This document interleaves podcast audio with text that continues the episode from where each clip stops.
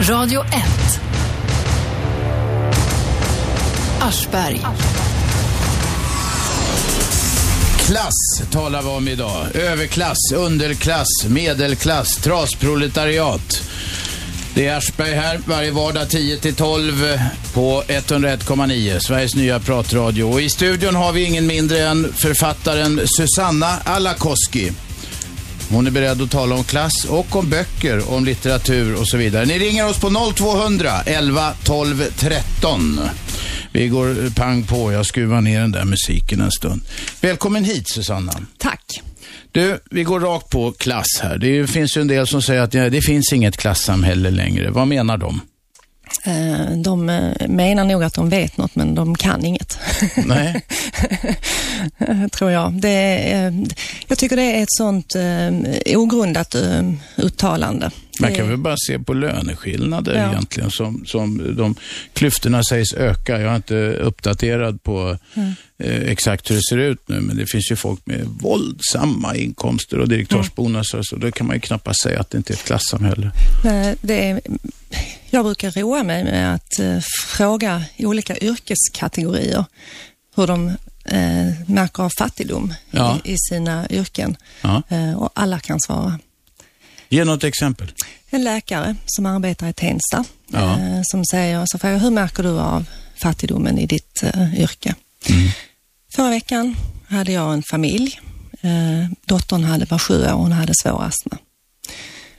Jag skrev ut eh, astmamedicin var på pappan i familjen frågar, kan man vänta till nästa månad att hämta ut medicinen? För att det är för dyrt att hämta ut det? För dyrt att hämta ut det. Och det gäller astmamedicin, det handlar om penicillin, det handlar om cancermediciner. Alla kan svara. Mm. Och i den meningen så när man säger att det inte finns ett klassamhälle så tycker jag att eh, eh man eh, inte har tagit reda på fakta. Nej. Vad finns det för klasser då? Det finns ju eh, det är en besvärlig fråga att svara på. Ja, det, det, är att, klart det. Ja, för att det är så många olika nyanser i varje klassskikt. Vi börjar med den breda penseln, det grova, den och så försöker vi mm. förfina sen. Ja, det finns ju en överklass, en adel. Det finns... Eh, ja, den är avskaffad, hörde jag i Gert Fylkings program. Han hade, han hade Carl Johan De Geer där som, ja. som gäst, som, som har varit sån här fattig adel och konstnär eh, hela tiden. Den är formellt avskaffad någon gång, eh, ja, när det nu var, 2000 någonting. Mm. Fast den är inte i riksdagen tror jag som lagstiftning. Alltså att det finns... Eh... Han påstår det. Jag, ja, jag vet ja, inte. De har, det har ju ingen betydelse som... Nej. Det har ingen betydelse, politisk betydelse, alltså direkt politisk betydelse mm. som klass. Mm. För före 1866 hade vi stånds vad det nu var, så hade vi ståndsriksdag och så, den betydelsen har vi tappat. Men den finns ju kvar. Ja. Jag har träffat sådana adliga som man märker att de tycker att det är lite märkvärdigare, ja, helt enkelt. Och den här eh, arvsrätten och sånt existerar ju ja. i lagstiftningen och sådär som går på fädernet. Ja, den här rätten att ta över som Björn af Kleen skrev mm, en bok om, precis. och vad det nu hette. Ja vad fan heter det där mm. institutet? Det heter eh, fideikommiss. Äldste sonen får ärva alltihopa ja, för att de här godsen ska finnas mm. kvar. Ja, men det var adeln. Det är ändå marginellt va? Ja, och där pratar du, har du redan börjat nyansera genom att ta upp den fattiga adeln som är konstnärer och, och eh, som kan bli utslagna. Och det finns ju också exempel där man har hamnat på gatan för att man inte har passat åsiktsmässigt och sådär. Mm. Och i medelklassen så finns det ju en övre och en lägre eh, medelklass. Eh, det finns en, en eh, medelklass som strävar till överklassen och sen finns det en medelklass som är ganska vanlig, som inte gör någon, som är ganska hederliga knegare i någon mening, tjänstemän och sådär. Mm. Och sen, jag har ju själv gjort en bok som heter Tala om klass, som, där jag ändå hade en ambition att försöka nyansera eh, arbetarklassbegreppet. Där vi som kommer också från arbetarklassen är ju väldigt olika. Vi är ingen homogen grupp, det är ju lägre arbetare. Men inga av de här grupperna är ju homogena i, i, i någon slags allmän mening. Nej. Det kan ju vara, de har olika ekonomiska förutsättningar. Det handlar ju om hur man delar in och, och sorterar folk mm. egentligen. Ja. Det är, ju, det är ju precis det som är eh, grejen och det är därför det är så svårt att säga tycker jag det är löjligt att säga att det inte finns ett klassamhälle, för man behöver detaljstudera för att begripa nyanserna. Eh, nästan. SCB, eh, hemsidans, de redovisar ju väldigt väl. Och sen är det ju många som reser fram och tillbaks mm. genom de här klasserna. Så är det också. Du har gjort det till exempel? Jag har gjort det. Eh, jag har ju förflyttat mig och förflyttar mig fortfarande på något sätt. I rasande hastighet eller? Det skulle jag inte påstå faktiskt. Nej, du kommer inte bli storfinans va? Nej, nej. Det har varit en, alltså där jag kommer ifrån är det ju en lång resa att komma från lägre, nedre arbetarklassen och ta sig upp till högskolan överhuvudtaget. Det, är ju en, det har ju tagit mig 20 år liksom att eh, ta mig till eh, att ta banklån. Vadå? Vad, vadå? Banklån får väl de flesta bankerna, vill väl åtminstone i perioder slänga lån efter alla människor för att tjäna ja. pengar på dem. Det fanns en tid när jag började min klassresa då jag inte fick lån. Jag mm. hade inga borgenärer till exempel. En sån sak kan avgöra saken. Ja, ja visst. Nej, nej, de vill, vill ju inte ha det på helt lösa boliner. De vill vara säkra på De mm. lånar ut och tar ränta på det, men de vill ju mm. veta att de får tillbaka pengarna i slutändan. Ja. Du, du sa eh, fattig arbetarklass. Finns det någon rik arbetarklass då? Om vi nu, jag, mitt jobb blir ju att krångla till mm, det här. Absolut. Eh, I den meningen, den skötsamma arbetaren kan ju i någon mening eh, ses som eh, någon slags rik arbetarklass för att de är strävsamma, sparsamma, eh, duktiga, nitiska. Eh, och de kan ju i någon mening ändå, jag har också sådana människor i min egen släkt som liksom köpte en ny bil varje år, för det var det man satsade på. liksom, ja, ja. Mm. Sådär, va? Och, inom arbetarklassen så kan ju en sån familj väcka avun, avundsjuka. Innan jag började få bra betalt, det är länge sedan, så, så var det ju så faktiskt att jag bott i sådana här områden där folk inte hade så mycket kulor. Mm. Och det visade sig ofta att bilen var mycket viktigare än maten på bordet till mm. exempel. De åt skitmat, fast de, alltså inte, inte, inte för att de inte gillade bra mat, Nej. utan för att de ville satsa kulorna på bilen. Mm. Tycker jag var konstigt då. Men då kommer jag från, egentligen från medelklassen och där, då begrep man inte det där. Nej. Sen tycker jag att det är fel i alla fall. Alltså, det finns något ologiskt i det, för man kan ha en fulare bil som ändå rullar bra. Det kan man ha, men det handlar om respektabilitet ju. Jaha, du, att... men det är samma grej som ung, slynglarna ute i förorterna, mm. de där som, i, i, alltså egentligen samma fenomen som de där som gillar, ser upp till gangsters istället för till sina arbetslösa mm. föräldrar och så. Ja, det är... är det samma effekt eller samma fenomen? Mm.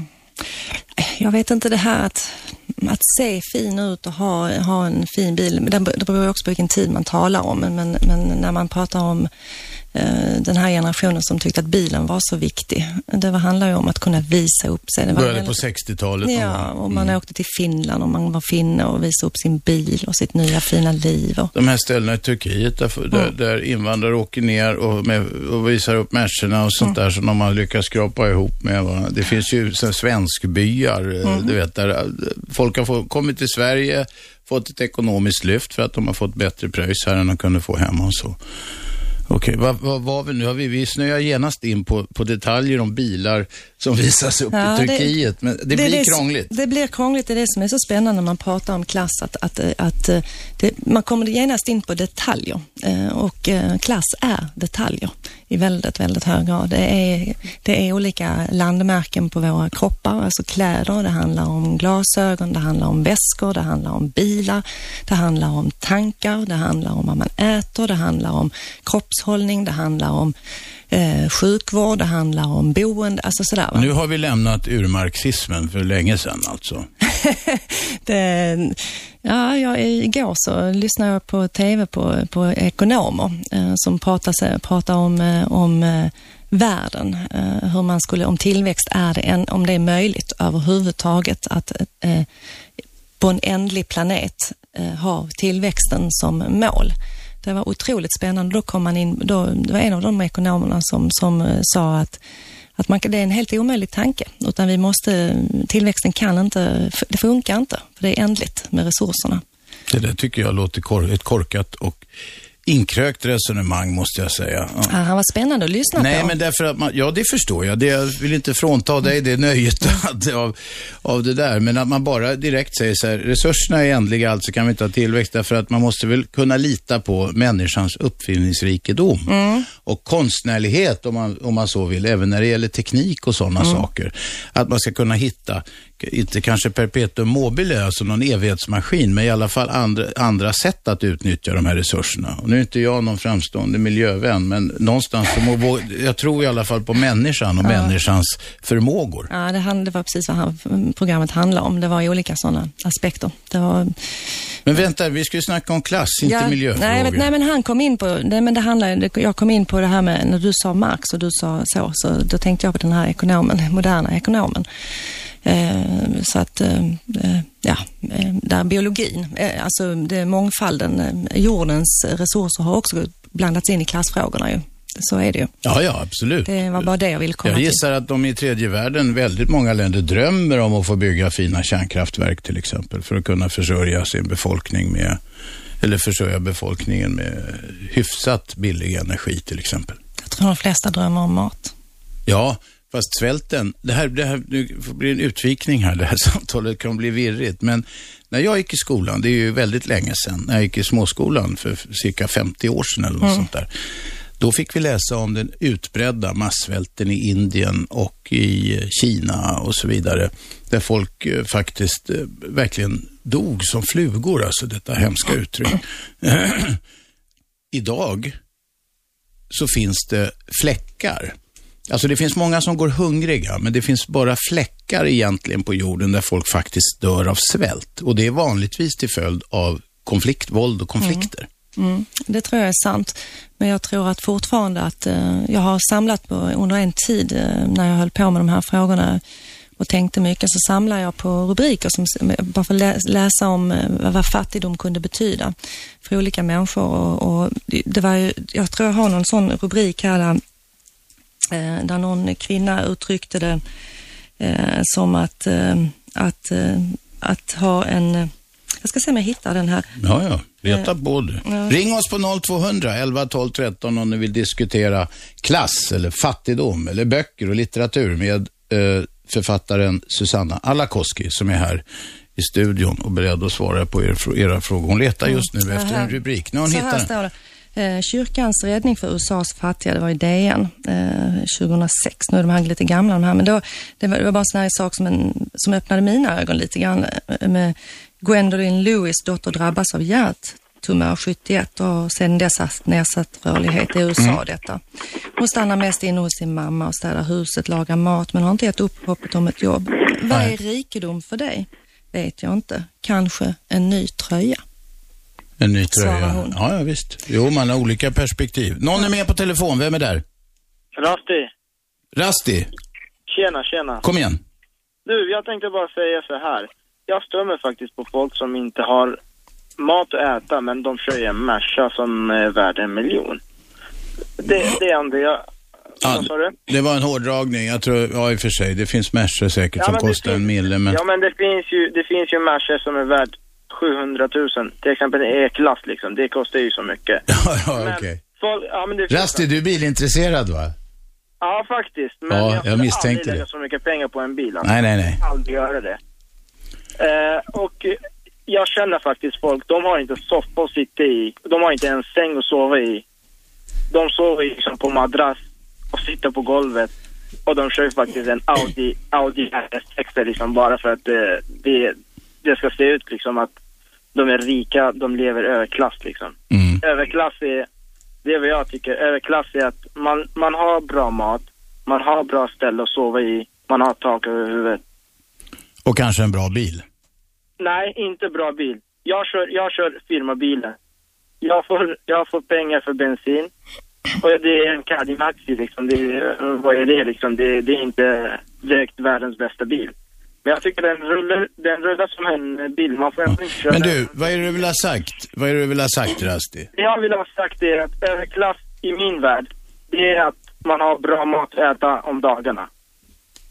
Mm. Fast du... Man, man, går inte, man går inte liksom eh, och... Eh, var bo... Vänta, Susanna. Var, var bor du? Eh, jag bor i Norsborg. I Norsborg? Ja. ja. ja. Men har, har man inte bra mat där då och eh, jo, bor jag. bra? Jo, jag bor jättebra. Ja. Men jag vem pratar du om som inte... varje dag. Ja. Jag äter bra varje dag. Jag äter lunch, frukost. Men vem gör inte det då där i Norsborg då? Jo, men det finns ju faktiskt folk som till exempel, jag är 24 år. Ja. Eh, jag, tjänar, jag tjänar ju mina egna pengar. Mm. Och eh, äter ju för mina egna pengar. Men det finns faktiskt folk som jag känner kör världens bästa bil, om man säger så. Mm. Och, och har dålig mat och sover på madrass på men, golvet. Men, men, men, men, han lånar pengar för att tanka på bensin. Alltså förstår du, då, Ja, ja. då går man ju faktiskt över gränsen. Alltså. Ja, statusjakten har förvridit skallen på honom Förstår, förstår du? För att han tjänar ju 10 000 i månaden Mm. för att han jobbar där. Och så hans, hans försäkring på bilen kostar liksom 3 000 i månaden. Och bensin 5-6 000. Och i slutet så har han inte betalat hyra. Rasti, ser du någon moral i det här? Nej men alltså jag tycker ju det där är, det där är tråkigt. Vad fan ska man eh, se liksom det där som eh, överklass? Bara för att jag kör en... Men han är ju inte överklass. Nej exakt, det är ju, man är ju under liksom. Man, man, man lever ju fattigt. Radio 1. Aschberg. Varje vardag 10-12 på 101,9. Repris 20-22 på kvällen. Ni kan också lyssna på radio1.se eller med sån här telefonapplikation som går både på iPhone och Android och allt vad de heter. En dyr smart telefon klarar mycket bra radioapplikation för övrigt. Susanna Alakoski i studion. Vi diskuterar klass och klassamhälle. Det finns många aspekter på det och det är snårigare än man först kan tro. Med på telefon är Rasti. Rasti, är du kvar? Jag är kvar ja. Rasti, jag sammanfattar vad du sa. Du har en polare som kör en svindyr Merca. Han lånar pengar till bensin, sover på en madrass på golvet. Han, han kör faktiskt en RS6 Audi som dricker... Ja, ja, det är samma. Ja, men Rasti, skit i de här bilfinesserna nu. Ja. Nej men alltså det, det, det, det jag ville säga att varför leva... Alltså när man ser folk som är i en dyrbar ah, grej, eller typ i en kostym som kostar typ eh, 20 000 kronor. Eh, det betyder inte att det är överklass. Nej, det gör det ju inte såklart. Men Vänta, vad, tror, låt Susanna. Vad, tror- vad tror du att det betyder då? Vad tror du att det betyder? Nej, Att, men det, varför, gör, varför gör man ett sånt val då? Att man äter och skiter ja, och men kör... alltså, i, i, i, I det här samhället idag, Ja. Alltså att, att visa sig för mycket, de tror att de kan ju liksom att, eh, till exempel eh, killar i min, eh, i, min ja, i 24-årsåldern där, 20, eh, det, det, de, de tror att de kan få vilken tjej de vill för att de har en dyr bil eller dy- dyra kläder på sig. De har eh, köpt jeansen för 3000 kronor för det. Men hjälper det då? Hjälp, får de brudar då? ja, jag tror inte det där hjälper. Jag tror inte det. Ja, men det vet du ju Rasti om du gör eller inte, om det är din polare. Ja, men det, alltså det, det, för honom ja, det för honom hjälper det inte. Det Kan, han kanske får bättre självkänsla, men han får inte pippa Ja, men så mycket, är det det du säger? Han får göra, så, han får göra som han vill. Han Ja, får ja. göra som han vill. För att han, han, han tror att han mår bättre av det där. Vad tror du han skulle må bättre av? Ja, men i, slutändan så kommer han inse att det där var ju verkligen fel att han gjorde. Rasti, vill du att din polare ska bli Svenne Banan och börja amortera på ett radhus någonstans där ute och, och skaffa en rutten bil och sen så äta Nej. enligt den här hälsokostcirkeln eller vad det heter? Jag, jag tycker att han ska köra sin bil om han känner för det. Ja. Men jag tycker att han ska ha råd för det också. Men du, vad har det här med klass att göra egentligen? Killen är inte överklass. Är det så att han strävar efter... Vänta, Rasti, Rasti, Rasti, Rasti. Är det så, tror du att han strävar efter att försöka vara något mer än han är, så att säga? Exakt det jag vill säga. Okej. Och jag, jag tycker synd om sådana människor. Och det finns faktiskt jättemånga i Stockholm idag. Bra Rasti, tack för samtalet. Vem är med på telefon? Birgitta från Östermalm. Ja, som egentligen bor i Vasastan. Jag måste upplysa Susanna så hon inte tror att det är en överklasskärring som ringer här bara för att du är från Östermalm. Ja, men jag är född på Östermalm. Ja, ja, skryt inte. Kom igen. Du, nej, men det här var ju ett ämne för mig som vanligt. Och eh, klass alltså. Du, vet du vad folk gör på Östermalm? Det sitter gamla tanter i sjurumslägenheter och äter blodpudding för de har inte råd med något annat. Och klass, jag ska vara kort för du blir galen på mig när jag blir lång. Eh, det är någonting man har inifrån alltså. Vadå, genetiskt menar du? Nej, men man, det sit, man, man har det inifrån alltså. Av uppfostran möjligen? Ja, just det. Menar du säkerhet och um, sätt att uttrycka sig? Och... Ja, och uh, att vara snäll mot uh, sina medmänniskor och visa hänsyn och respekt till sin omgivning och till grannar. Och Menar du att arbetarklassen inte gör det? Vad sa du nu? Jag har så svårt med skånska, vet du. Menar du att, eh, att arbetarklassen inte är snälla och vänliga och omtänksamma, omtänksamma med det sina Det tror jag säkert att de är. Det tror jag, jag tror att de allra flesta människor stretar på bäst de kan. Jag tycker det är väldigt sorgligt med människor som, som precis som den här killen som ringde innan här nu, säger att man måste gå och köpa kostymer för 20 000 och sova på en madrass och så och låna till bensin. Men, mm. Ja. Jag tycker ofta när man pratar om klassfrågor så när, när jag är mycket ute och pratar på bibliotek och det är faktiskt den enda gången människor börjar ställa sig upp och skriker. Det är när man börjar prata om klass. Mm. Uh, och uh, ofta så börjar man, när jag pratar om arbetarklassen så börjar alla prata om överklassen.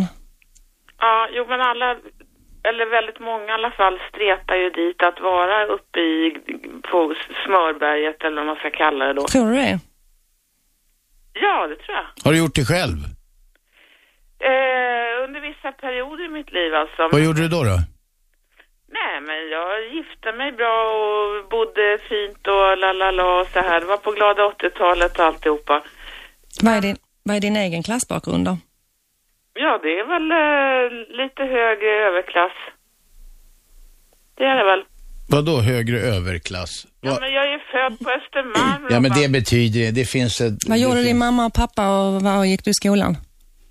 En gång till. Vad, vad gjorde din mamma och pappa? Vad arbetade de med?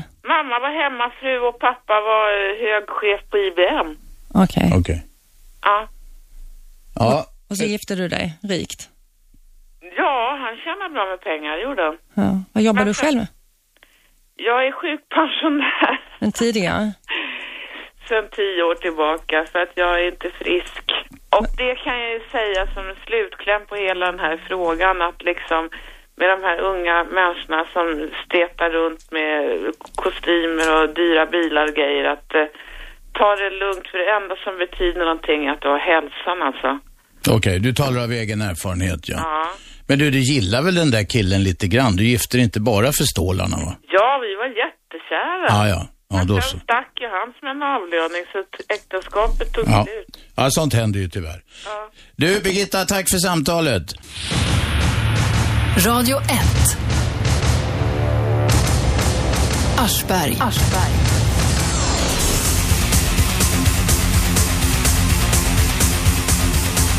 Ja, här är vi. Varje vardag 10-12 i studion har vi Susanna Alakoski och vi talar om klass.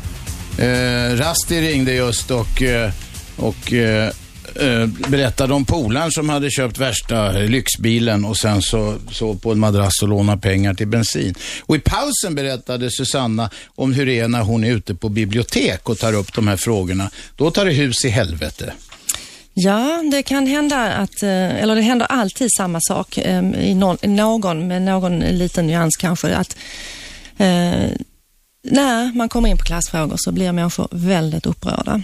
Eh, för att eh, det är så känslomässigt laddad för man måste plötsligt prata om sig själv och sin historia.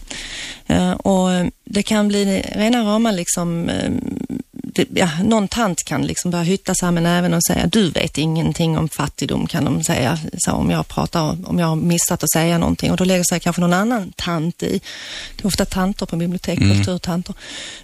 en del män kommer såklart också. Och då, då kan någon säga du vet ingenting för jag, i Finland har det verkligen varit fattigt. Eh, mm. Och så, va? Sen kan de börja liksom skälla på varandra. Och till slut är det någon som säger att de bodde på botten av en bottenfrusen ja, sjö. Ja, och, det liksom, och, det blir, och du vet, och så börjar man liksom berätta om sina liv och det, man blir väldigt, väldigt upprörd. Och sen när det här har pågått en stund så kan det vara så att det är en en skäggig marxist som reser sig upp och tar liksom ordet mm. som på ett partimöte eller någonting och liksom ska förklara hur allting är. Mm. Uh, och det är ju, blir väldigt mördande för samtalet när, när, när det händer. Och då kommer tanterna av sig? Ja, då kommer tanterna av sig och det, ibland får jag medla riktigt mellan uh, olika Har du aldrig några så riktiga överklassare där? Nå, någon sån här börs uh, eller grevar och baroner och sånt där? Jo, det händer faktiskt. Uh, att, att jag jag får det. Men jag har träffat eh, också i något eh, program, eh, någon av de här drakarna som, som ekonomiska kapitali- riskkapitalister Ja, och ja. sådär, va, som jag har haft samtal med och så. Som, de säger ofta att det finns ingen fattigdom. Eh, Nej. Och, och sen ja, så pratar jag om eh, det som jag då känner till både utifrån erfarenheter men också eh, kunskap. Men de här Rädda Barnens siffror om fattiga barn. Alltså, man säger att 220 000 unga är fattiga i Sverige idag, men de har ju föräldrar. Och så låter det ingenting, men det motsvarar ungar i, i nio ganska stora små städer. Eh, och det, ja, det, det, börjar man prata mer i detalj om de ungarna så kommer man ju in på eh, andra saker. Vem är med på telefon? Eh, Ulla? Ulla, kom igen. Ja, eh, jag bor faktiskt nästan granne med förra killen här.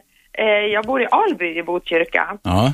Och eh, jag tänker på barnfattigdom i Sverige. Vad, Ja. är det, alltså vad är det man jämför med egentligen? För jag har lite svårt att förstå att det finns överhuvudtaget. Jag, tänk, jag tänker att det kanske är mera föräldrarnas brist på eh, ekonomiskt sinne. Du menar att de slarvar med pengarna så hamnar de ungarna i kläm? dem, de kanske lägger dem på lite fel saker.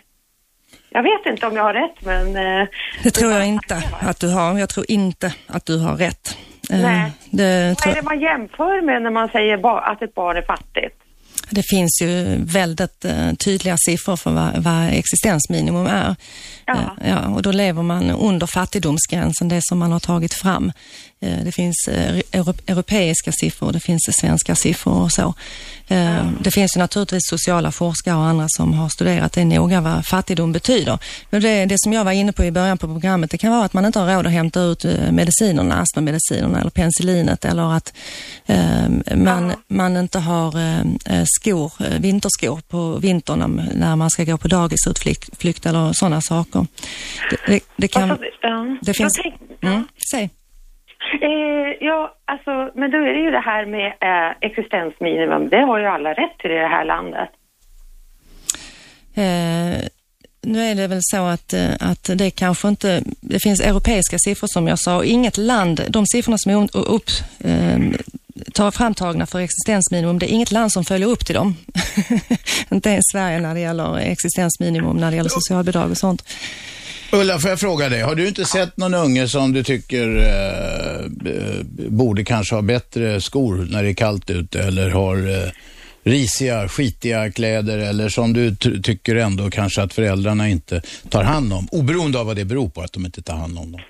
Alltså jag ser inte mycket av det här, fast jag bor i typ, ja, om man nu får kalla det för ett invandrargetto, för det gör ju många. Det kan till och med jag göra. Det är miljonprogrammen söder.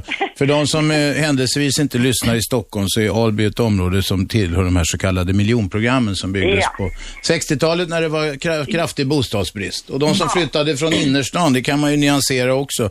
Många av de som flyttade från innerstan och slapp eh, torrdass på gården och rökiga, eh, eländiga söderkåkar och sånt där som har romantiserats med. De fick ett paradis när de fick rinnande varmt och kallt vatten och badrum och alltihopa. Ja. Ja. Men det är ju också så här med fattigdom att många människor in i det sista döljer det. Eh, ja. För att man skäms. Ja, så Vad tror kan du? det vara i och för sig, men... Men vad är det du ser? Du Nu är, tycker... jag, nu är jag en äldre kvinna om man säger, Mm. 56 år. Det är ingen ålder för en skönhet, eh, Ulla. Nej, nej, precis. Nej, men alltså jag kanske ser lite annorlunda saker än den här killen innan till exempel som är liksom där, att säga, i de här som Mm. Men du tycker att han överdrev? Nu talade han om ett rätt specifikt Eh, fall. Nej, nej, det tror jag faktiskt. Jag tror han, han, det är sant det han säger. Okej. Mm. Det tror jag, för jag ser jättemycket jätteflotta bilar med unga killar i. Ja, men det är status, statusjakt. Ja, det tror jag. Mm. Men, eh, men det är just det här med, med barnfattigdom, alltså som jag inte begriper. Om man nu har, alltså det här existensminimum, det ligger väl, det, det, ja, det Ja, är men- sådär. Vänta, släpp in Susanna. Det är så här, och, många av de här eh, barnen som eh, klassas som fattiga barn, de kommer från invandrarfamiljer. Eh, Jag kan säga någonting om det utifrån personliga erfarenheter och sådär. Det här att man byter land till exempel så finns det ju en myt att man kommer med hela släkten. Det gör man ju inte. Och när det fattas pengar, eh, eller det är ont om pengar, eh, när man är liten så har man inga släktingar i landet som man kan ärva en gammal soffa av. Man har ingen att vända sig till och fråga om man kan låna hundra spänn. Eh, Det, man liksom börjar eh, att bygga upp eh, sitt liv från verkligen noll och ingenting och i den meningen så räcker lite pengar väldigt lite till väldigt lite. Och det tror jag de flesta människor har svårt att leva sig in i vad den, hur, det kan, hur svårt det faktiskt kan vara. Eh, och så får man ont i tanden och sen så behöver man ett par glasögon och sen så, så plötsligt så behöver man lite dyr medicin och kanske någon stö- medicin som man måste ha under längre tid. Det kanske blir två sjuka i familjen och så plötsligt så, eh, så, så rasar eh, tillvaron på olika sätt. Ulla, du får nöja... Ja, Samtidigt är det ju faktiskt så här att sånt får man ju, får man ju faktiskt extra bidrag till. Akut sjukdom, akut tandvård, Ja. mediciner, det är ju utöver. Ulla, Ulla, du tycker att det är ett land av mjölk och honung. Är det det du vill säga? Alltså jag tror ju inte, alltså jag har svårt bara att förstå det här med fattig, barnfattigdom, att barn Okej. inte har råd med ett par skor. Men läs på tycker jag. Ta, ta reda på vad, det, så, Ja, vad men- siffrorna döljer.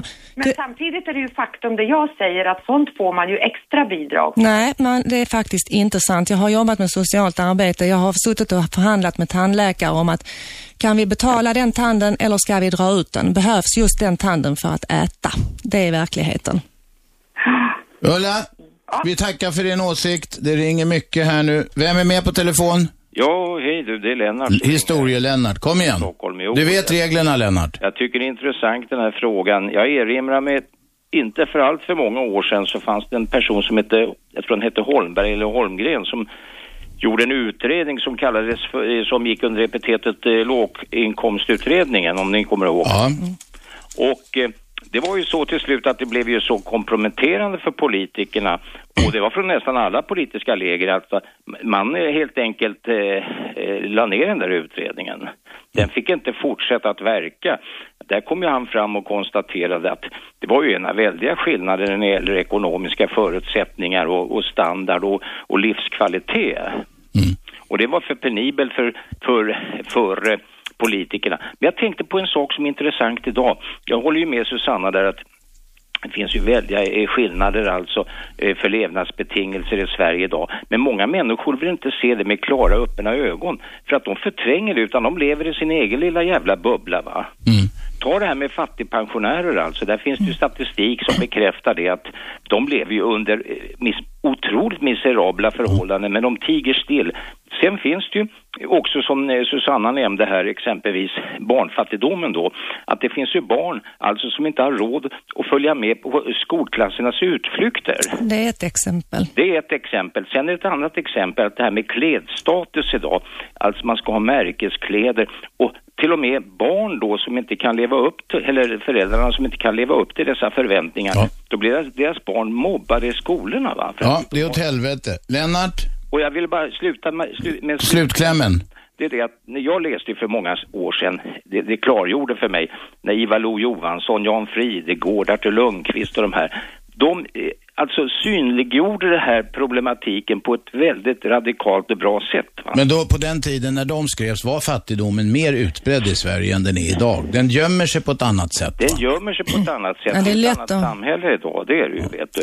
Men jag tycker att tyvärr så finns det fortfarande folk som lever under väldigt dåliga förhållanden. Ja, det är vi eniga om. Lennart, du vet reglerna. Ja. Inga föreläsningar. Nej då, det är Bra. bra. Hej, hej. Tack, hej. Vem är med på telefon? Eh, Hej, det är Hector här. Tjena Hector. Ja, eh, jag ville bara säga så här att det är så synd, jag lyssnar alltid på ditt program och jag märker att folk fokuserar alltid på, på undantaget istället för på regel. Och nu var det någon som sa att eh, det finns folk som använder pengarna på fel sätt. Och det här med fattigdomen och barnfattigdomen, jag tycker det är så konstigt. När jag var, när jag var liten, då, då brukade alla termer ha bara en betydelse. Men nu för tiden verkar det som alla, alla termer ska, eh, har olika betydelser. Ge något exempel så vi fattar vad du menar Hector. Exempelvis korruptionen så säger man affär och fiffel och bedrägeri istället för att säga korruption. Eh, men sen kan man säga fattigdom så kan man säga så här, fattigdom är bara fattigdom. Alltså, Resurssvag. Alltså fattigdom betyder att man inte har råd att leva mänskligt. Att leva som man bör leva, som man ska leva. Så enkelt är det. Man behöver inte dra hit och dit och eh, vad syftar man med fattigdom? Och så sen finns det folk som inte ser saker trots att de har precis framför sina ögon och vill ursäkta. He- Hector, släpp in Susanna lite. Hur ser du fattigdomen då? Hur, vad jobbar du med? Jag jobbar som spärrvakt. Vad, hur kan du se fattigdomen på något sätt i ditt jobb? Eh, absolut. Hur ser du den? Jag ser det folk som försöker liksom, eh, kommer och ber mig att eh, snälla kan jag få åka, jag har inte råd. Jag ser deras kläder, jag ser i deras ögon den, den här eh, ångest som de har, eh, som visar att de verkligen lider. Alltså de, de vill inte, de vill inte eh, vad heter, planka, men de har inte råd att åka, men de måste ju åka. Och då ställs man in, inför den här problematiken att jag, har min, jag har mina regler, jag kan inte släppa in någon som inte betalar. Har, Men samtidigt så har jag framför mig en person som verkligen lider och som verkligen har ett behov. har du själv upplevt fattigdom i Sverige? Eh, själv har jag inte upplevt, men jag har sett den. Mm, du har sett den. Vad, vad tror du, vad är det för skillnad på, varför ser du den och ja, andra inte ser den? Vad, vad är det som avgör det att man... det- alltså det finns inte blindare person än den som inte vill se. Och jag kan, jag kan, alltså det finns folk som sagt att de kan se saker men de hittar på alla möjliga ursäkter för att inte erkänna att det är på det viset. Att Sverige är inte samma Sverige som det var på 70-talet. I dagens läge så har alla människor en prislapp. Och tyvärr så är det det här klassamhället har byggt så att det finns, förut så brukade man säga att det fanns tre olika klassamhällen. Fattiga, medelklassen och högreklassen. Idag så har man ungefär sju, åtta olika klasser. Så har man från ytterst fattigdom till fattigdom, under, under medelklassen, medelklassen, övre medelklassen. Ja, och, och, och, vänta nu Hector, det handlar ju bara om hur man sorterar upp det när man ska så att säga bearbeta eller resonera om det. Ja. Mm, det, det, Så, så alltså, jag menar, men fattigdom finns det visst i Sverige. Ja, det gör det. Radio 1. Aschberg. Varje vardag, varje vardag 10 till 12 eh, på 101,9 Sveriges nya pratradio. I studion har vi Susanna Alakoski och vi talar om klass och fattigdom. Susanna Alakoski, för de som händelsevis inte vet det, är berömd inte minst för boken Svinalängorna som också blev stor omtyckt film. Vem är med på telefon? Ja, jag heter Ivar. Ivar, kom igen. Ja, jag tänker på det här. Jag är uppväxt på Lidingö i ett höghus liksom. Det, och ehm, jag ser liksom hur, eh, alltså det är ju lite klass att bo på Lidingö. Och det är också många, det behöver inte vara att man bor i ett fattigt utan man bor i ett rikt område. Jag upplevde många som ville få status genom att bo på Lidingö när jag var yngre. Lidingö. Ja, Ja, Lidingö. mm. Ja. ön. ja. Hur var det att växa upp i ett, i ett, i ett höghus där då? Ja, pappa var ju sosse, så det var ju arbetarklass egentligen. Men jag, jag, jag trivdes bra liksom. Och jag känner idag, jag kör taxi, jag känner idag att äh, varför kan man inte vara nöjd med det man har liksom? Och jag, och jag har inga problem med att umgås med folk som har, har lite pengar så. Men må, många då, som har det och de är nöjda med det liksom, de har inte det för att de ska hålla på och skryta med någonting utan de, ja, att de gillar det de sysslar med. Det är väl det det handlar om istället, istället för att man ska tillhöra något speciellt. Samma Ja. det är lö- löjligt där med arbetarklass, du vet på 70-talet så skulle man tillhöra arbetarklassen. men tror du inte att de flesta människor ändå är nöjda med det de gör och det de har, men sen finns det ju grupper som, som eh, har så väldigt lite. Ja, men, eh, om många är nöjda, en del är väl det, men det är väl många som inte är nöjda. Alltså, det är väl inte många som inte har några pengar som är nöjda eller bor i... Men, men, men nu, jag måste bara fråga en sak. Är det fel att sträva efter att eh, förbättra sin situation? Det är väl inte fel? Ja. Nej, det, nej, nej. Det är Men- fel. Men, men det är fel att man ska hålla på och skryta, alltså ha en snygg eller ha vissa märkeskläder som... Attribut. Ja, ja, attribut för att verka vara bättre än andra istället för att man har det man eh, har, är nöjd med det och strävar och Mm. att det ska bli bättre. Men hur märker du, om du kör taxi, hur, märker du av fattigdomen på något sätt i, i ditt eh, yrke när du kör taxi? Hur, Ska jag av det? ja? Ja, ja, jag funderar väldigt mycket för jag kör ju olika områden. Mm. Vad tänker du då? Ja, men det märks ju, det märks ju sk- skillnad, alltså skillnad. Hur områden. märker du det? Vad är det du ser? Men alltså, för det första, folk åker mer taxi där det finns uh, mera området. Alltså, är det högre klass på området, Östermalm, Lidingö. Ja, alltså, du kan säga... Men kör du inte ut färdtjänst och sånt där också då? Färdtjänster, färdtjänster kör jag också. Jag snackade med en taxichaufför, han sa att han märkte fattigdomen genom att han körde gamla människor som hade jävligt skitiga naglar och de luktade kiss. Eh, och vad heter det, han, eh, eh, när han pratade med dem så sa, berättade de att de fick duscha var tredje vecka. Mär- Märker du någonting sånt? Ja, det märker jag. Alltså, att, Kan du ta något exempel? Mm, Alltså att äldre och sådana som har färdtjänst, de eh, har ju oftast sämre. Jag kan inte ta några exempel, men jag, jag ser ju det ofta liksom att de har inte så många gånger så mycket pengar.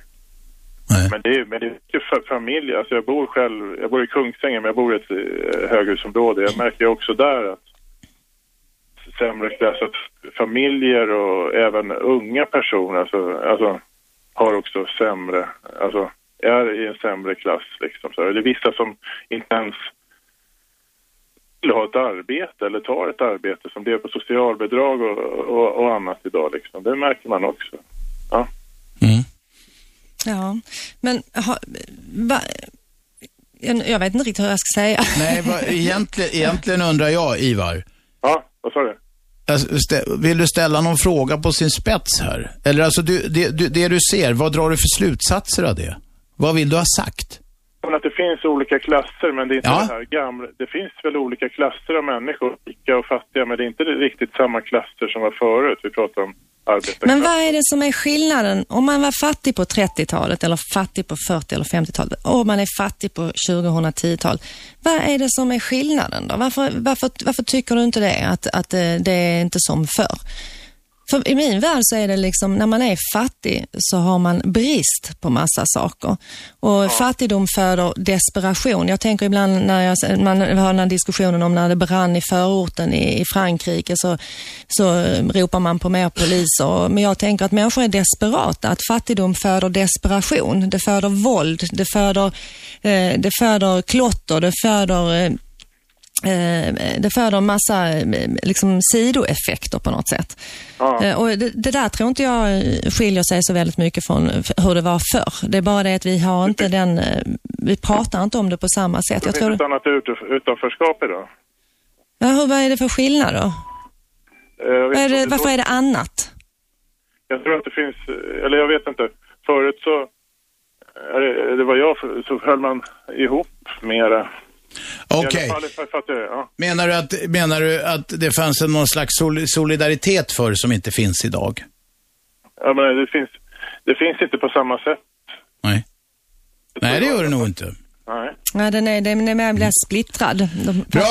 Tack Ivar. Tack, tack. Vem är med på telefon? Ja, Magnus heter jag, ute och springer. Hörs det? Ja, det låter, men vi, vi kan ta in en springare som ringare också. Kom igen. Ja, bra. Jag springer till och lyssnat på det här. Jag håller Men vänta förresten, Magnus, stanna en liten stund för fan. Ja, men det är bättre att jag springer bort från bilarna här, för det är nog det som...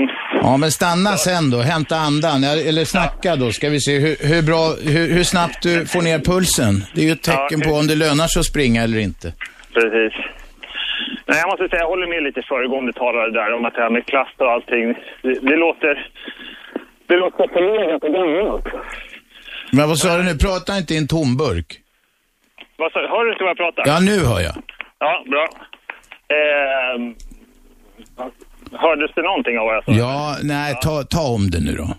Eh, jo, jag håller med föregående talare där om att det, det här med klass känns väldigt förlegat. Det känns liksom 60-70-tal ur det hela. Och hur ser det ut idag då? Ja, men jag själv har föräldrar som är växt upp på landet, fattiga förhållanden. Ingen riktig... Ja, mamma är väl delvis utbildad, men pappa har ingen högre utbildning. Han har jobbat som taxichaufför hela livet själv. har jag också haft perioder i ja, dryga 20-årsåldern där jag har varit arbetslös, har ingen annan utbildning i gymnasiet och sen pluggar jag till eh, läkare. Nu är jag läkarbo på Östermalm. Men jag menar, jag tillhör ju ingen annan klass för det liksom. Jag är ju i samma klass som som jag alltid har varit liksom. I känslan då? I känslan då, eller helt konkret? Ja, det, alltså skulle jag liksom... Skulle jag ha gjort någon klassresa då? Ja, det har du gjort. det kan- nej, det kan inte jag Jo, det har du visst. Ja, på tio år då. Jag Ja, var 25 det kan år gå var jag jäkligt fort. arbetslös och outbildad och sen så har jag helt plötsligt skaffat mig en utbildning och fått... Ja, men varför är det så känsligt att göra en klassresa? Ja, men då är det ju bara pengar det handlar om. Ja. Nej. Jo, nej, men det är ju en förutsättning. Det är en grund. Radio 1. Aschberg. Varje vardag 10-12 på 101,9. Vi har Susanna Alakoski i studion och vi talar klass, men vi har glidit in på fattigdom. Det finns de som säger att det inte finns. Och så har vi en kille med. Den springande, ringande läkaren. Han eh, är samma gamla fina kille fast han har gjort en klassresa. Är du kvar? Ja, jag är kvar. Har du andats ut någonting? Ja, eller nu passar jag på att springa när den är klar. Ja, det är bra. Då fick du en liten, ett liten sån där. Ett, ja. Vad var vi nu? Vänta, stå still nu då. Ja, jo men, nej, men alltså jag tycker jag, jag, man kan inte säga att jag har ändrat klass liksom på tio år bara för att jag skaffat mig en utbildning och fått mera pengar på banken.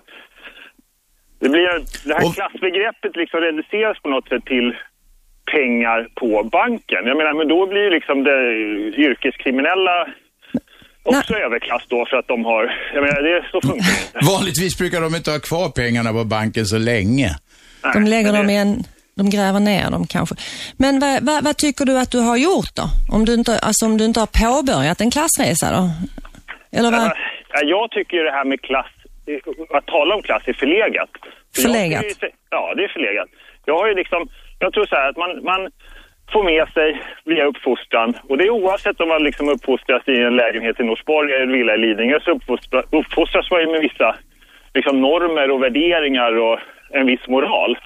Och beroende på hur den uppfostran ser ut tar ju dig någonstans i livet så att säga.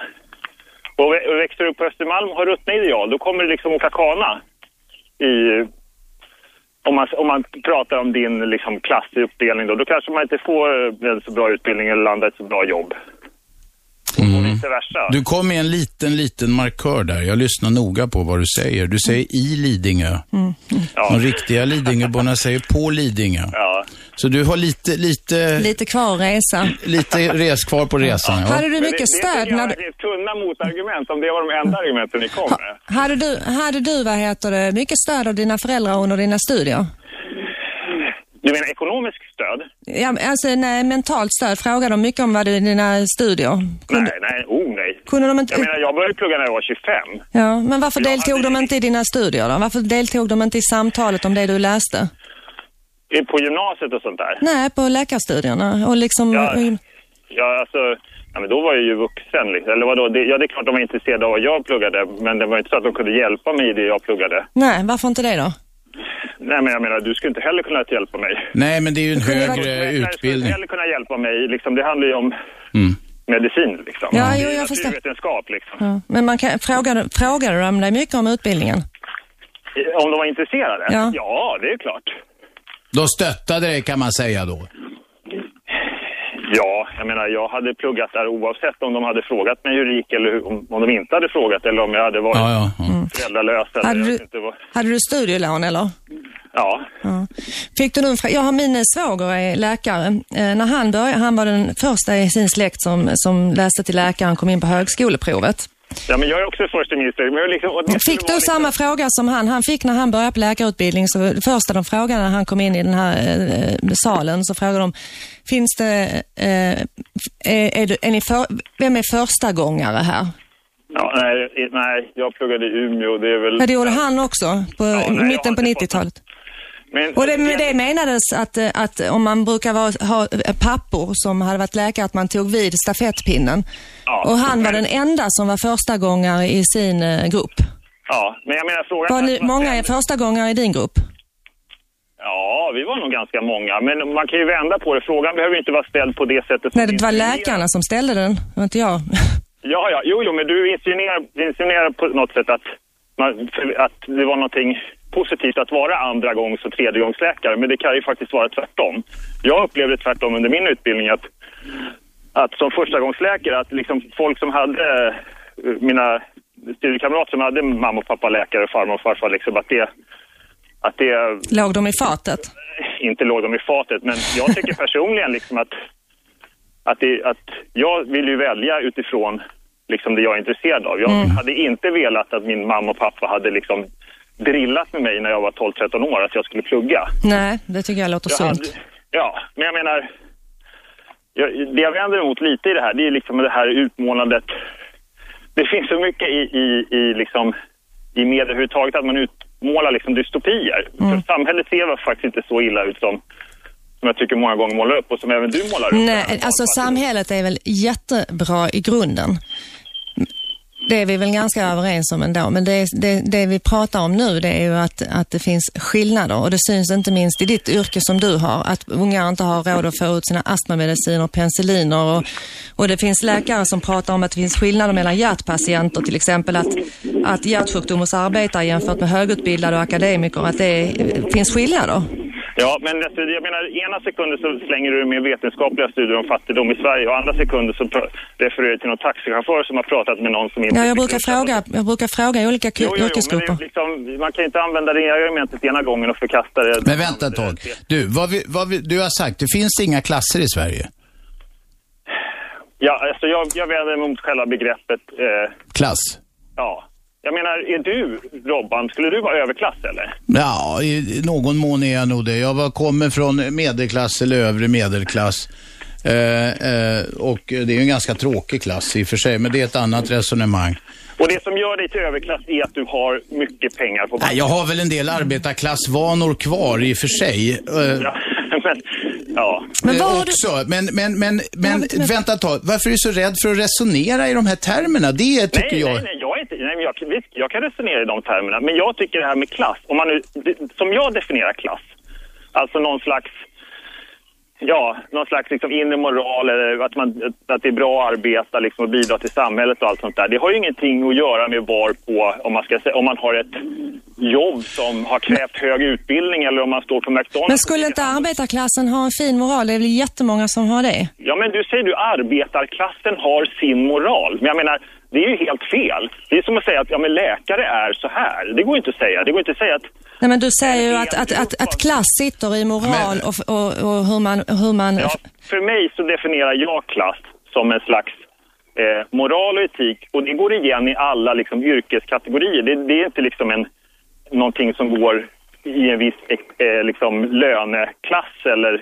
Okej, okej. Så Om vi säger att hederlighet skulle vara en, en sån här parameter då. Ja, Hederlighet, att man, omtanke om andra, alltså viss form av Ja, precis. empati och så vidare. De sakerna menar du man ska... Och, och det finns ju ohederliga läkare och det finns ohederliga Ja, ja. Och börs-VD:ar. Och, det finns ing- och, det, och, det och arbetare. Ja, precis. Och det är det som förenar folk. Det är det som är klasser i min... Det blir liksom... så att alla som är hederliga, Alla som är hederliga i överklass. eller medelklass eller vad är det? Ja, ja i någon mån så är det en bättre egenskap än att vara ohederlig. Liksom. Ja, det är klart det är. Om man, nu, om man nu tycker att över är då ska vara bättre än under, så i den bemärkelsen så är Ja. så. Men du, håll, kan vi ta det så här bara förenkla, för jag tror att, att, att, att jag, jag förstår vad du menar, men du, du förnekar väl inte att det finns ekonomiska skillnader mellan människor i Sverige och att det finns en fattigdom? Jo, nej, det är klart att det finns det. Men att säga att alla, samtliga människor som har det bra ekonomiskt ställt skulle tillhöra någon slags överklass. Nej, så, nej men, Nej, det, men det är det, är det inte. Må, man måste måla lite med bred pensel för att föra de här resonemangen, för att hitta Ja. fram till någonting. Och det, det får må, Och det- ja, men det är det må jag väl vara ursäktat. Ja, fast jag vänder mig lite mot det. För att jag menar, prata om arb- jag skulle då inte tillhöra någon arbetarklass. Men jag arbetar ju, jag har ju fan arbetat. Nu kom det en uppförsbacke. Du fortsätter springa! Jag har, arbetat, jag har arbetat hur mycket som helst. Jag fortsätter arbeta. Och alla mina läkarkollegor, vi arbetar ju ta mig fan. Ja, ni jobbar med Ja, långa timmar. Ja. visst. Är det någon som är arbetarklass så är det väl... Så är det läkarna. Ja, bland annat. Ja, det tycker jag är var en fi- det, Och, och varför det? det? Det tycker jag är nedsättande. Som att vi skulle arbeta mindre än någon som står och... Nej. Det är ingen Det- som har sagt, det är vänta ingen som nu, har sagt vänta nu. det. Det är ingen som har sagt det. Ni Det jobbar tydligt- förmodligen mycket längre arbetsveckor och jourer och skit än många som jobbar på, säg en fönsterfabrik. ja. När jag jobbar på fiskfabrik så jobbar vi 16 timmars pass. Det var standard. Ja, men det var frivilligt och du gjorde det för eh, övertidsersättningen. Man var, man var beordrad när fisken Ja, ja, kom okej. in. Men 40 timmars arbetsvecka? Eh, nej, På, utdraget på lång tid, jo. Ja, det var på Färöarna och Norge, det var andra regler. Ja, okej, okej. Det var i Men vildmarken på Färöarna. Jo, jo, men jag kan berätta hur mycket historier som helst om läkare som har jobbat i jourer som har sträckt sig dygn, flera Ja, dygn. det, det här är så märkligt. Och nu, Nu ska hamnar alla vara värst igen. Mm. Nu är, då har jag, jag har händer. bott på botten av en bottenfrusen sjö. Jag, Du känner jobbar, jag jobbar mest och ja. vi, det är jag som är arbetarklass. Det är det är jag som- känsligt. Ja, det är Va? väldigt känsligt. Det är känsligt för dig, eller hur?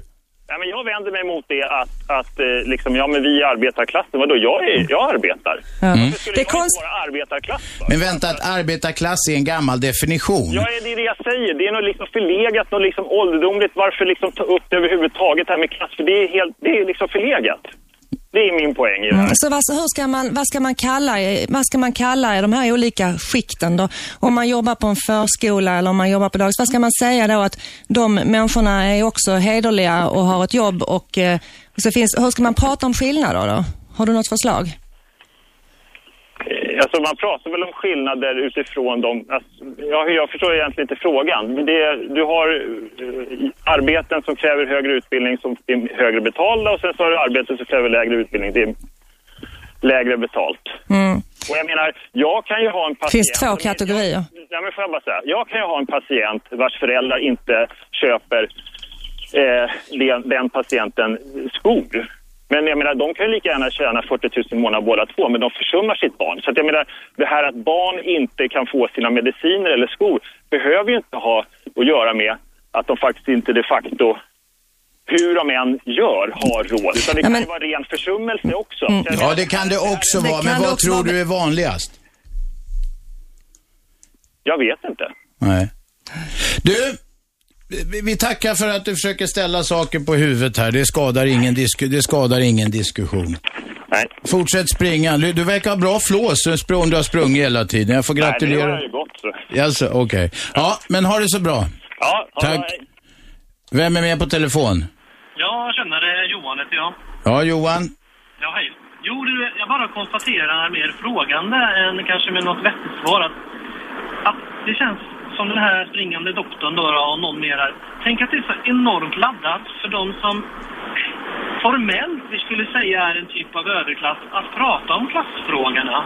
Han vill ju döpa om, eh, nu om jag får hänvisa till hans samtal, han vill döpa om det ena till att i stort sett Ja, för det första att det inte finns några klasskillnader. Det var ju fantastiskt känsligt. Det genomsyrar ju allt. Ja, ja, visst.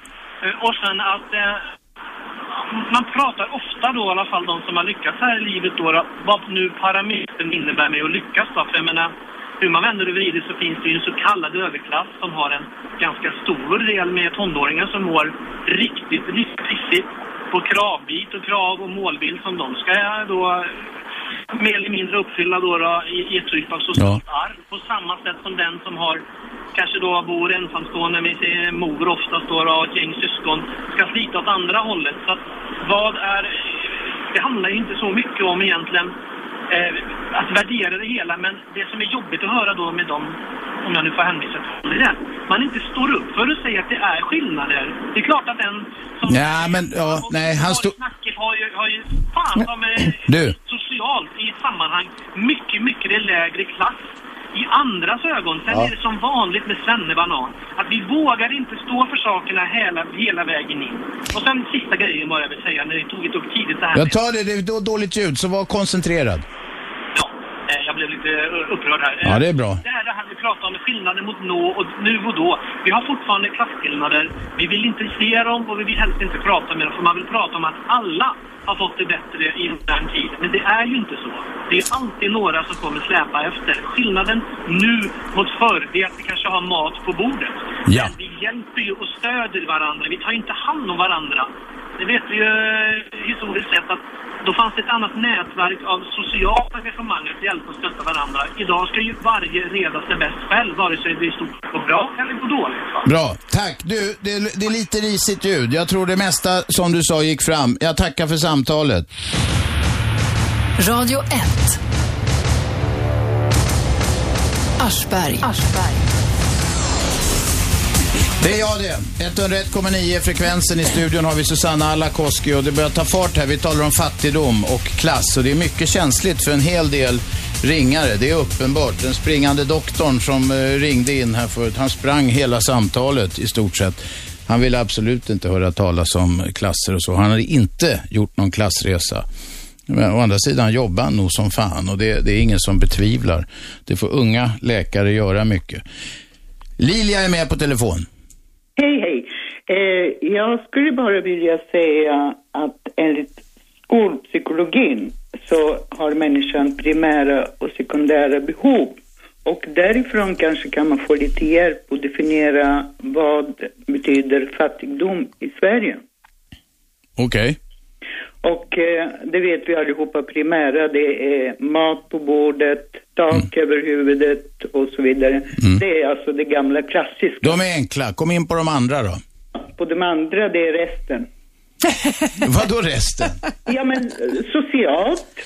Att man vill ha, man ska ha trevligt umgänge kanske eller eh, folk som stöttar en i, när man är ledsen eller har det ekonomiskt svårt. Är det sånt du menar? Ja, men till exempel att få ont i magen när eh, kompisarna från klassen ska, gå, ska åka på klassresa. Utan pengar är man alltid orolig, eh, finns det någon som har sagt. Ja, precis. Men vi måste ju tänka på vad är fattigdom i Sverige? Ja, det finns sociala forskare som har forskat jättemycket kring det. Man vet det väldigt exakt faktiskt.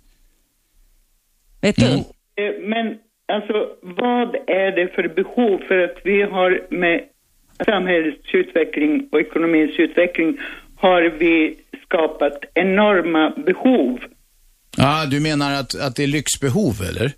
Att, att det, är för, det är för mycket som, att, att, att vi griper efter för mycket, eller vi, men att folk gör det.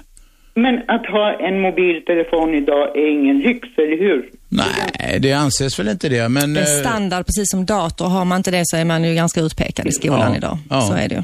Och då betyder det då att eh, vi har fått utökade våra primära behov, inte bara vara mätta och klädda och ha tak över huvudet. Jo, men så har det alltid varit. Det är klart, jo, det är klart det är. Därför att en gång i världen så bodde eh, folk, eh, eh, vad heter det, Cro-Magnon och sånt där i grottor. Och sen så småningom när hjulet uppfanns, då ville folk ha hjul va? och så vidare. Så det är inget konstigt att, att utvecklingen pågår hela tiden. Det är vissa miljövänner som vill stoppa den, men det är en annan sak.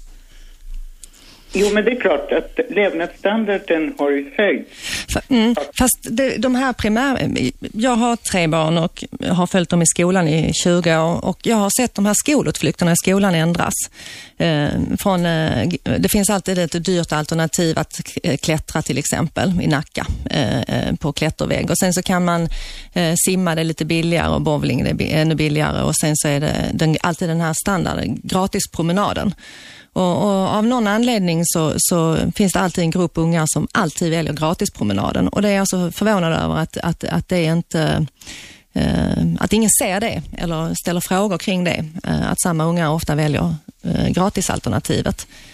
Jag, jag, jag måste säga att jag tycker att skolan ska ta hand om det där. Alla ska få samma. Mm. Varför kan man inte Och då klättra kör man antingen gratispromenad för alla om rektorn inte kan hålla reda på pengarna. Eller så får alla klättra och då får man göra det färre gånger. Jag tycker det ska vara lika i skolan. I princip borde de ha skoluniform också. Exakt, exakt. Bra, Lilja, det är fler på kö. Tack för att du ringde. Vi har med Johanna. Vem där? Eh, jag, Eller vem där? Det är Johanna. Är du kvar menar jag? Ja, det är jag. Ja, kom igen. Eh, jag, hej, jag ringer för att stödja Susanna. Och, och, Tack. Eh, självklart eh, så finns det eh, fattigdom och barnfattigdom och jag tycker det är väldigt konstigt att höra den här läkaren och den här Ulla som dessutom bodde i Alby att, att de inte har förstått det. Eh, själv bodde jag i Fisksätra som är må- mångmiljonprogrammet i Nacka. Ja. 16 år och jag såg definitivt fattigdom varje dag där. Hur såg du det? Eh, ja, just på det du säger att barnen inte har tillräckligt varma med kläder och är ute och springer barfota så långt in på hösten och inte har skor och sånt. Det tycker jag var väldigt påtagligt. Och det är sånt man också ser om, man bor där under en längre tid. Men fick de inte skylla sig själv då? Det är ju en del som säger att de får skylla sig själva. De köper fel saker och... Nej, självklart inte. Utan för, för fattiga så, så handlar det om, då är det mat och kläder.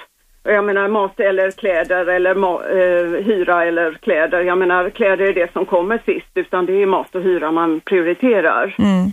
Och eh, sen eh, så finns det också en väldigt vanlig missuppfattning bland sådana här människor att och de som inte har haft socialbidrag, att det är någonting som i realiteten fungerar. Just det. Eh, Och det, det är totalt skitsnack, för det, det säger alltid människor som aldrig har behövt leva på det. Och ännu mer så tror de, som hon den här Ulla sa, att man får extra bidrag för tandvård och eh, det, diverse saker. Och det är ju också, de som säger det, det är ju totalt oprövat. Men det var, förlåt, är det inte fri tandvård för barn upp till 18 år? Ja, men alltså det, det vet ju många att det, det får de inte i realiteten. Allting prövas särskilt idag. Ja, och Är det så? Ja. det blir väldigt mycket nej på det.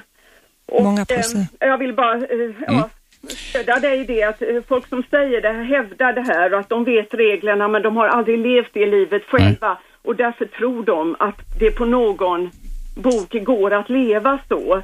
Och att man, man talar inte om att fattigdom är ett undantagstillstånd där det är en ständig kris i sådana här familjer. Eller Du- hur? Och, eh, eller hur Susanna? Ja, ja, alltså det är också, det stöttar ju den sociala forskningen att det är alltså ungar som växer upp under fattiga förhållanden, de blir ju små, utvecklas till små familjeekonomer som tar ansvar för familjens ekonomi genom att avsäga sig eh, fritidsintressen och sånt. Eller så blir, tar de överdrivet stort ansvar och hjälper till att barnarbeta eh, genom att eh, dryga ut föräldrarnas kassa och så. Så att det, där, det, där, det är ju ganska kända faktum, men det är ofta, jag har en känsla av att när man uttalar sig att det inte finns klasser fattigdom och så, så, så har man inte läst så mycket social forskning. Nej. Och eh, det här också att man talar aldrig om, om långtidsperspektiv. Eh, Att leva under fattigdom i flera generationer. Ja, eller just någon som har levt på so- socialbidrag en eller två månader och säger ja men det där gick ju. Mm. Ja, just det. Men det, det är ju långtidsperspektivet som så att säga gröper ur livet. Mm. Ja, det var- Och precis som du sa, när det kommer räkningar för tandläkare, glasögon, medicin och, och, de, de... Eller en hög elräkning som nu när det ja, eh, alltså 5000 kronors elräkning, Ja. då blir det svårt. Och eh, det är långtidsperspektivet som knäcker. Johanna, Mm, tack vi, för det. vi, tar det, vi tar det med oss. Tack, vi sk- tack, tack för att du ringde. Radio 1. Aschberg. Varje vardag 10-12, repris 20-22. Radio1.se kan ni lyssna på också, eller sån här telefonapp om ni har en smart, dyr, sån här platt liten telefon med stor skärm. Vi talar om fattigdom. Susanna Alakoski i studion. Vi började tala om klass och jag hade velat ta in det lite på böcker, men det här med fattigdom, ja och klass också, det visar sig vara så jävla känsligt så det, det ringer nästan mer än någonsin och samtalen tenderar att bli lite långa här. Det är en del som Eh, eh det, det går till hjärterötterna den här diskussionen, det verkar så. Eh, per ska vara med på här, på här. Är du med? Jajamän. Kom igen. Jo, alltså... Jag blir lite perplex ska jag väl säga. Eller, jag tycker det är så jävla tråkigt att det år ut och år in eh, finns lite väl många människor som då resonerar om, precis som den här läkaren då, att, att eh, det finns inga klasser och det, det där är en stor överdrift och jag jobbar häcken av mig och bla bla bla. Eh, och det har ju definitivt inte blivit bättre alltså nu när folk har fått ännu mera valfrihet eh, via all reklam och det har kommit ännu mera prylar och så vidare. Och Förlåt, får jag bara fråga, är du emot valfrihet? Absolut inte. Det är jag inte. Ut, utan eh, jag menar på det att eh, tack vare att eh, vi har sån enormt utbud av allt möjligt va? och särskilt då när det gäller prylar och, och så vidare så har ju statusfixeringen blivit ännu större och vilket då gör att för att i, ens omgivning så att säga, allt ifrån släkt och vänner till arbetskamrater och så, och, och, och så vidare eh, eh, inte ska se då liksom att man har det knapert va, så fixar man på sig det ena och det andra och skuldberget liksom ökar och eh, det här med att, att visa ytan utåt har blivit än större. Är det så för dig? Eh, nej. Nej. Men ser du några i din närhet då? Eh, jag ser det bland annat i mitt jobb, för jag jobbar ju rätt mycket i, i de här områdena som det har ringt ifrån. Vad jobbar du med? Och jag jobbar med bevakning. Okej. Okej, vad säger du då? Ja, jag, jag åker runt alltså och, och eh, särskilt ungdomar, det, här, det, det uppväxande släktet, va, det, där har ju ytan blivit gigantisk. Alltså det, det här med fina bilar, fina kläder, man ska impa på tjejer, man ska impa på kompisar och så vidare. Det liksom, på något sätt verkar det betyda allt va. Mm. Men tror du att människor mår bättre då, när de är snygga utanpå och har fina grejer? Har, har, har, har det psykiska måendet blivit bättre i Sverige? Det tycker jag inte. Jag, jag tror att det finns ett, ett, eh, en, en enorm vet, gråzon där, där folk sitter hemma då eh, liksom och, och, och må, egentligen vet, mår jävligt vet, dåligt men de känner att de kan inte på något sätt påverka det på annat sätt än att, än att visa utåt så långt det går. Va? Att, nej, men jag har det ganska okej. Jag har en eh, ett par år gammal bil liksom och, och jag, jag har fina kläder och Men hur har de det egentligen då, tror du? Är det liksom, eller vad menar du? Hur har de det egentligen då? Alltså jag tror att de mår psykiskt inte någon vidare. Men ser du, ser du detta eller är det något du bara tror? Nej, jag ser det. Alltså jag märker när jag pratar med folk. Vad säger de då? väl, ja.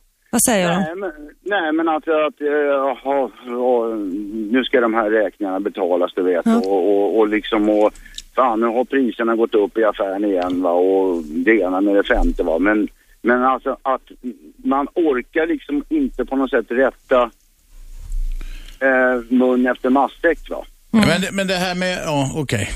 Men för, för att, eh, för att eh, man orkar inte fejsa liksom sin omgivning med att, alltså jag egentligen... Men har det inte alltid varit fult i den meningen, om jag ska uttrycka mig enkelt, att vara fattig? Jo. Alltid? Och så det är inget nytt egentligen? Nej, det är Vad man inget- möjligen kan konstatera att det finns... Det Det, tar ständigt nya ansikten bara va? Och jag tycker det som är, är så jävla jobbigt, det är li- liksom att ungdomarna idag eh, på något sätt får en än större uppförsbacke då. Mm. Med alla krav. det, jag tänker det där med valfriheten så kommer jag ju in på det, det är ju också en rikedom att klara av att välja. Ja. Att kunna, att, att kunna sätta sig in i olika, ha tid att åka runt med bil och gå på olika gymnasiemässor och vara delaktig som förälder och folk är ju jävligt trötta efter, man blir trött av fattigdom också. Så är det också. Mm. Absolut. Men det där är ju inget som, eh, jag menar, ska jag gissa att även medelklassare blir trötta om de ska välja skola? Jo, det, jag har själv blivit väldigt trött eh, av att välja skola. Men, Du, eh, väktaren, tack för samtalet. Isa är med här. Nej, Isa orkar inte vänta. Ring på 0200 11 12 13. Där har vi några som ringer. Vem är med? Ja, hej, det är Lennart, hej. Lennart, nu får det vara kort. Ja, det är kort. Jo, det är eh, bland annat den här Merkurius, läkaren som var ute och joggade här.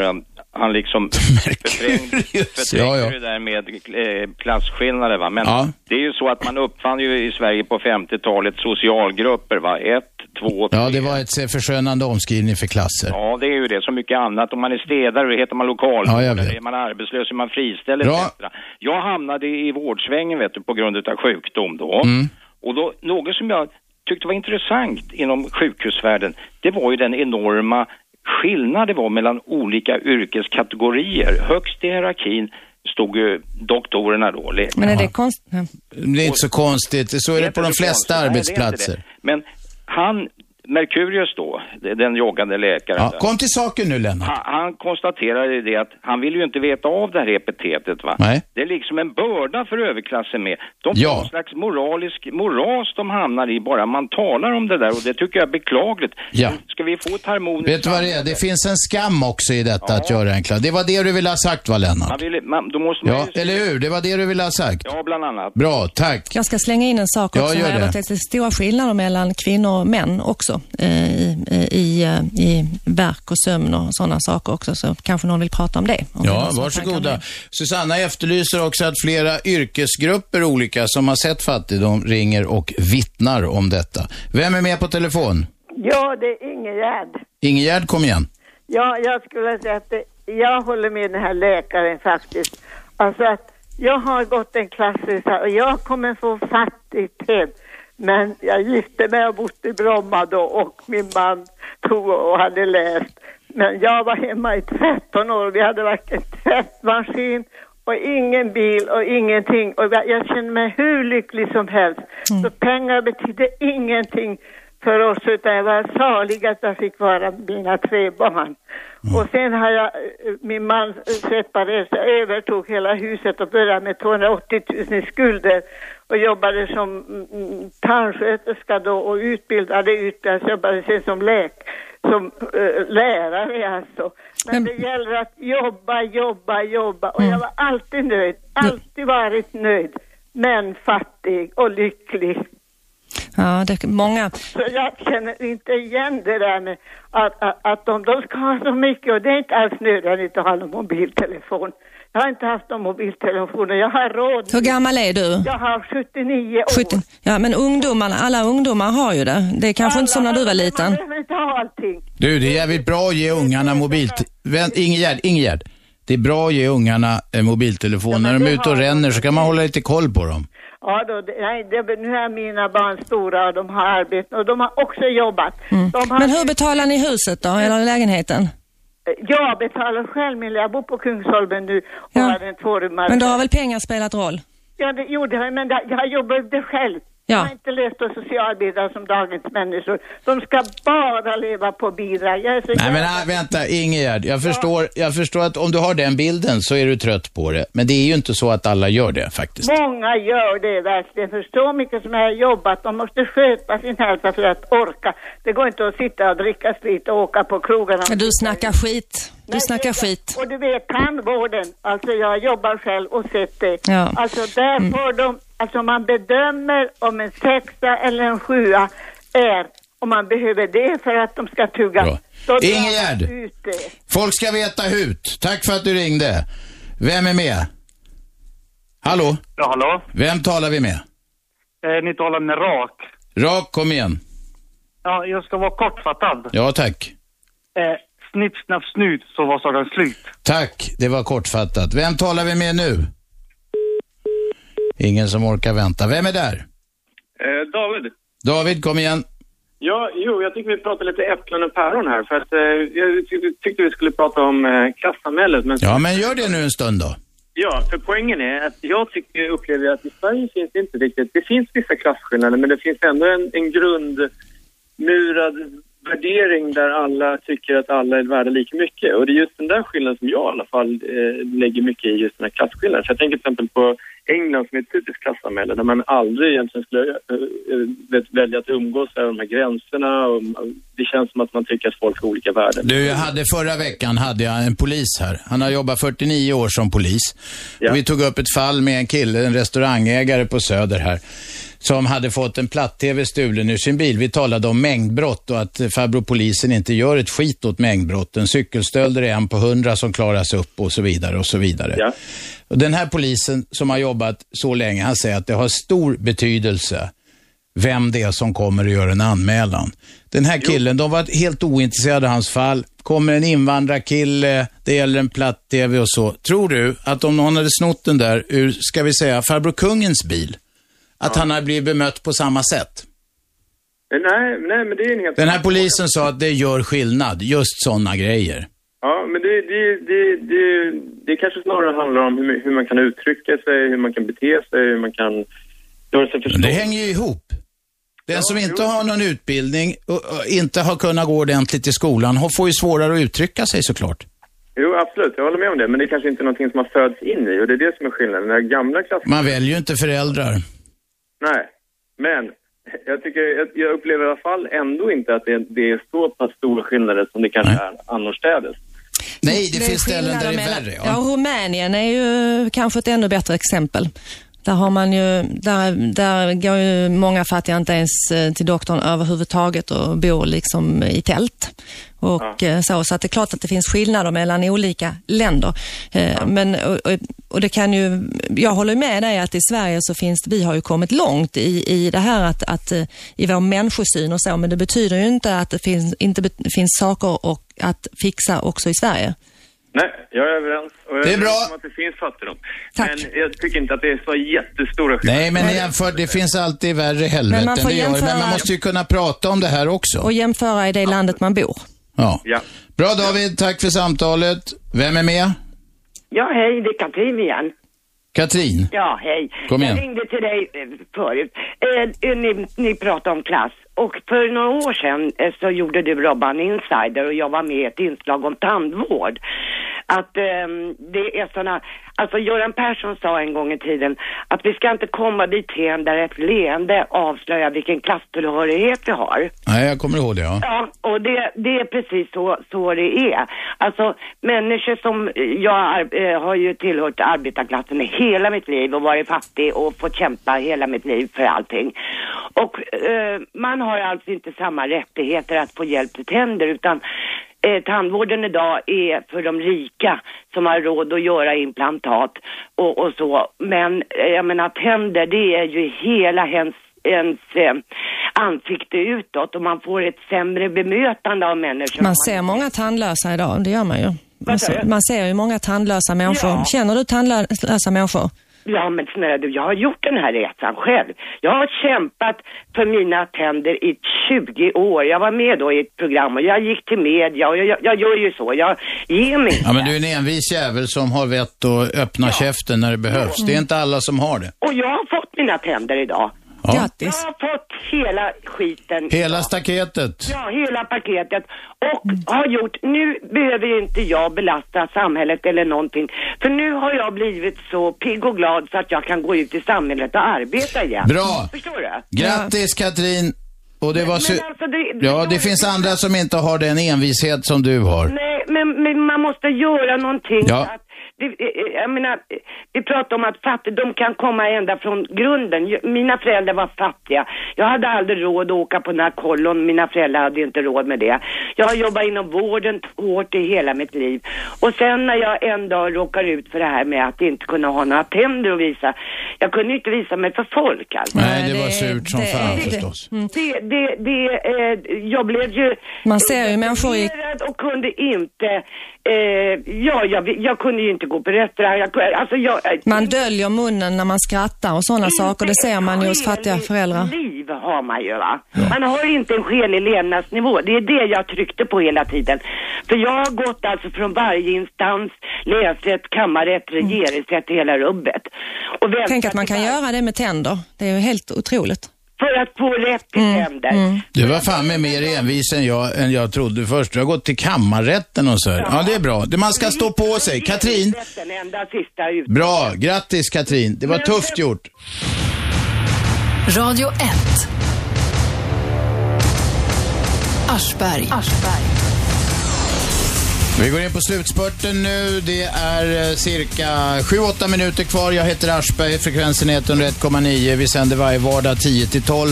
S- Sveriges nya pratradio. Susanna Alakoski i studion. Vi talar om klass och fattigdom och det ringer nästan, tror jag, mer än det har gjort på mycket, mycket länge här. Tom, är du där? Ja, det är Kom igen. Hejsan, hejsan. Jag har en fråga till dig, Susanna. Uh, vad, hur kommer det sig att du känner, alltså, vad, vad, vad ligger grunden till att du måste definiera, alltså du måste generalisera människogrupper på det sättet att du måste sätta in dem i olika klassbehörigheter? Eh, Det beror på dels att jag har försökt begripa mitt eget liv. Eh, Där har det väl börjat. Jag funderar inte på min egen klassresa när jag själv startade den när jag var barn. Eh, Och sen så beror det på att jag har läst. eh, Att jag har läst social forskning och jobbat med sociala frågor och haft anledning att eh, fundera på det jag ser och det jag, det jag har tagit del av för att begripa det. Och det är ju inte jag som har hittat på de här orden, utan det är ju statistiker och forskare. Så det, det, det är bara ett sätt, för, det är ungefär som man pratar om litteraturvetenskap, att man måste prata, ha vissa termer för att förstå vissa saker. Det beror på det. Alltså, mycket av det här, mycket av det här, utav den här forskningen och alltihopa som, som grundar sig i det här med att man ska definiera människogrupper utifrån klassperspektiv och på det sättet. Det grundar sig ju väldigt mycket från marxismen och socialismen och så, där man försökte sätta människogrupper mot varandra. Och jag vet inte om du har läst mer ingående om Marx, men han ville ju att man skulle vända hipp, hip som happ liksom fram och tillbaka med några, år- med några tiotals decennium eh, men. Ma- Marx har aldrig varit min eh, huvudfigur. Nej, nej, nej, men alltså, det, det är mycket, mycket grundat sig därifrån. Och, men jag tänkte bara kolla, jag är ju själv liberal och individualist. Alltså jag, ser, jag tycker att man ska se på människor från varje enskild individ i och med att det är svårt, ja, alltså man kan inte generalisera människor för att vi är så pass unika allihopa. Men det undrar jag, om, men på samma sätt, du pratar om det här med klasser och så, och så pratar du om det här med att man vill bekämpa fattigdom. Vill du på något sätt, am, alltså, vill du använda det här klassbegreppet på, på något sätt för att bekämpa fattigdomen? För jag tror inte att man kan, jag tror inte riktigt att man kan säga att, att det finns en generell lösning för hur man ska få... Nej, men vi har inte varit, vänta ett tag Tom, jag ska säga något. vi har inte varit inne på medel än, äh, än, åtminstone inte än. Men det kan ju inte vara fel, hur jävla liberal du än är, eller eh, högerman, eller vad som helst, så måste det ju vara rätt att beskriva situationen som det ser ut i samhället och försöka enas om vissa saker. Och det är ett problem om ungar inte eh, får stöd hemifrån till skolan. Det är ett problem om de inte har ordentligt på fötterna och så här. Sen finns det olika medel på det. Men om man börjar enas om en beskrivning och sakligt ser vad som är problemet, då kan man ju börja resonera om eventuella åtgärder. Självklart, men jag, alltså jag, jag säger inte, jag har inte hävdat, ja, jag tror inte att jag hävdat heller att det inte är ett problem att det finns människor i samhället som har det väldigt, väldigt svårt.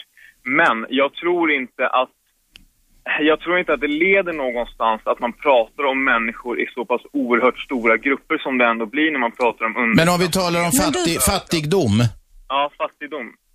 Det, det, där, det, det, är, det är en klassificering. Det, det, var ju, det var ju det som när han läkaren som ringde in och pratade om. Att just det här begreppet med underklass och medelklass och alltihopa. Alltså, det finns inte. Men finns inte det menar du? jag säger inte att det inte, jag säger, alltså, jag vet inte, det, det är ju olika, det är en, det är ju en, det är en subjektiv ord, det är ett ordspel där man bedömer Det där är inte sant. Alltså, när man tittar på Rädda Barnen, när de tittar på, på den här barnfattigdomen, då, då, då har de ju sett att de flesta fattiga barnen bor tillsammans med ensamstående föräldrar eller har invandrarbakgrund. Och det är ju ingen som, det är ju någon som, det är ju kunskap att det ser ut på det sättet. Och de här ensamstående föräldrarna är företrädesvis kvinnor i lågavlönade yrken.